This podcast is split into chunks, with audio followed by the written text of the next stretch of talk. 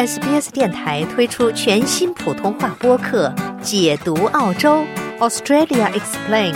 在这里，你可以轻松欢快的了解有关澳洲的有趣知识。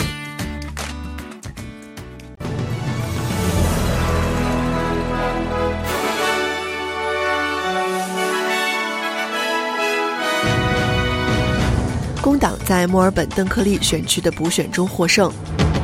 塔州前自由党州长将于下周启动竞选活动。Mardi Gras 狂欢节为遇害同性伴侣默哀。加沙停火谈判将在开罗重启。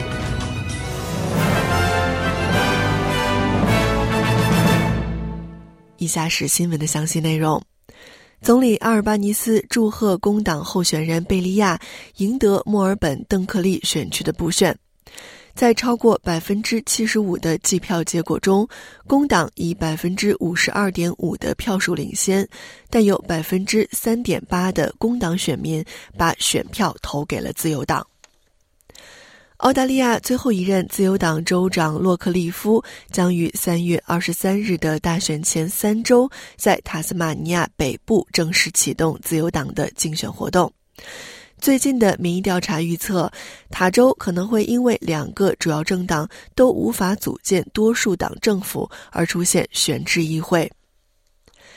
悉尼同性恋狂欢节大游行 Mardi Gras 的参与者说：“游行是希望、自由和包容的灯塔。”在游行期间，人们为在本周遇害的同性伴侣贝尔德和戴维斯默哀了片刻。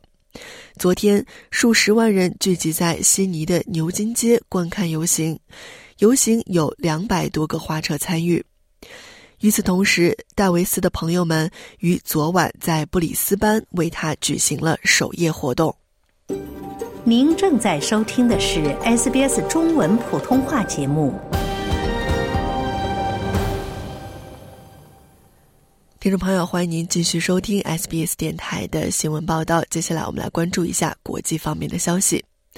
据路透社援引两名埃及安全人士的话报道，加沙停火谈判将于本周末在开罗重启。本周早些时候，美国总统拜登表示，他希望能在穆斯林斋月开始之前实现停火。以色列和哈马斯一直在通过包括埃及和卡塔尔在内的调解人进行谈判，但双方都没有立即就停火进展发表评论。乌克兰总统泽连斯基谴责了无人机对乌克兰南部港口城市奥德萨一栋公寓楼的袭击，指责俄罗斯将平民作为袭击目标。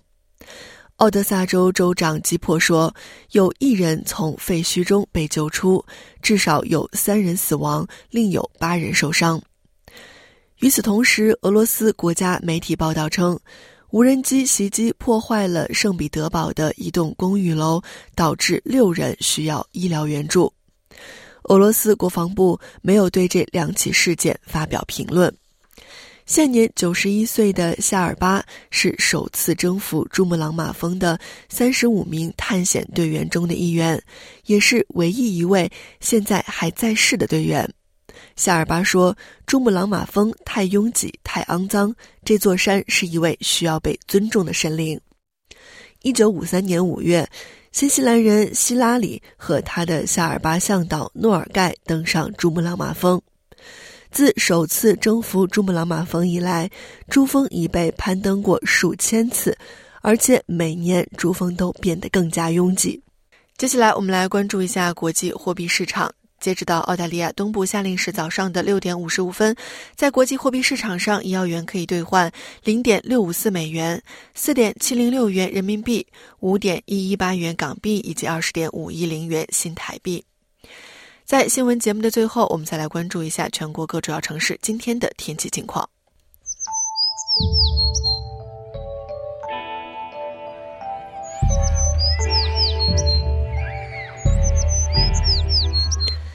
悉尼今天有阵雨，最高温度二十九度；墨尔本多云，最高温度二十度；布里斯班多云，最高温度三十三度；堪培拉以晴为主，最高温度二十九度。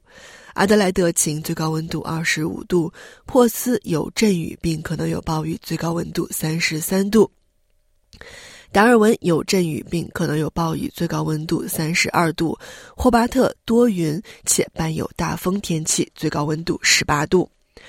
听众朋友，以上新闻是由林默为您编译和播报的，感谢您的收听。